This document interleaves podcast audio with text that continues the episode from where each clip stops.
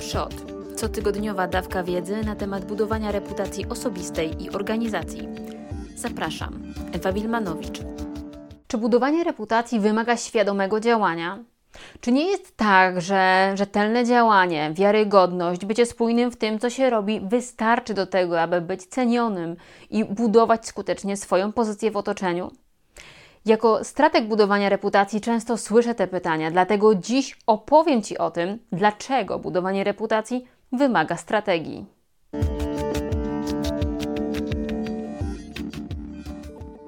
Po pierwsze, nasza uwaga w dzisiejszych czasach jest bardzo rozproszona. Inaczej było, kiedy w swoim otoczeniu mieliśmy zaledwie kilkanaście, kilkadziesiąt osób i mogliśmy się przyjrzeć każdej z nich. Dziś raptem jedno przesunięcie palca daje nam dostęp do kilku, kilkunastu informacji o różnych osobach. Każdego dnia podejmujemy dziesiątki decyzji i jesteśmy narażeni na setki, jeśli nie tysiące bodźców. Dlatego, jeśli chcemy wyróżnić się w otoczeniu, jeśli chcemy dotrzeć do konkretnych osób i zwrócić ich uwagę, potrzebne są przemyślane działania. Po drugie, istnieje mnóstwo możliwości, więc każdego można zastąpić. W dobie internetu nie trudno jest znaleźć namiary na innego prawnika, lekarza, dentystę czy dowolnego innego specjalistę, zatrudnić nową osobę, zaprosić inne osoby do nowego przedsięwzięcia lub projektu itd. Tak itd. Tak Im bardziej uniwersalne są kompetencje, im łatwiej jest znaleźć innego specjalistę, osobę z tą samą wiedzą na konkretną pozycję, tym bardziej istotne staje się budowanie reputacji własnego nazwiska po to, aby osoby w otoczeniu widziały unikalną wartość we współpracy i realizowaniu wspólnych przedsięwzięć właśnie z Tobą. Po trzecie, jesteśmy obecnie bardzo nieufni. Polska jest jednym z najbardziej nieufnych narodów na świecie, a to utrudnia nam budowanie nowych znajomości, nowych relacji i wzbudzanie zaufania.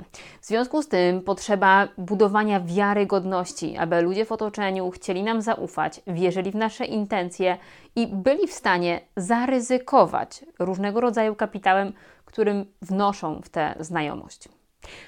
Po czwarte, trzeba w dzisiejszych czasach ufać szybko. Skończyły się czasy, kiedy całe życie mieszkaliśmy w jednym miejscu, nawiązywaliśmy przyjaźnie, znajomości z kilkunastoma osobami na naszym osiedlu, a kiedy ktoś coś zrobił, wiedziała o tym cała wieś, pół miasteczka albo dzielnica w mieście. W dzisiejszych czasach bardzo szybko zmieniamy otoczenie i robimy to wielokrotnie. Dlatego zaufanie trzeba budować szybko, by być w stanie razem współpracować, tworzyć coś, wymieniać się informacjami i budować wspólne nowe przedsięwzięcia. Budowanie osobistej reputacji, kształtowanie tego kapitału pomaga nie tylko zaufanie wzbudzać, ale również ufać poszczególnym osobom. Wreszcie po piąte, trzeba być bardzo precyzyjnym w swojej osobistej komunikacji.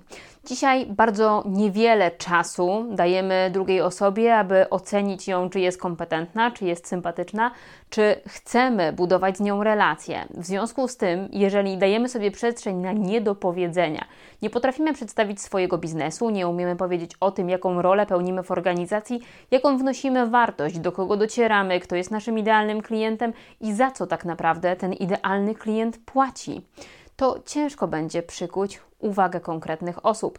Bez względu na to, czy chcemy budować społeczność mikro w kontekście jednej organizacji, osób decyzyjnych w kontekście awansu, albo osób, które mogą nam umożliwić przejście do nowej organizacji, czy też zbudowanie własnego biznesu, czy stawiamy na popularność i szerokie dotarcie. Strategia budowania osobistej reputacji jest dziś niezwykle ważną kompetencją. Z pomocą doradcy możemy to zrobić szybciej, uniknąć błędów i szybciej zrealizować cel.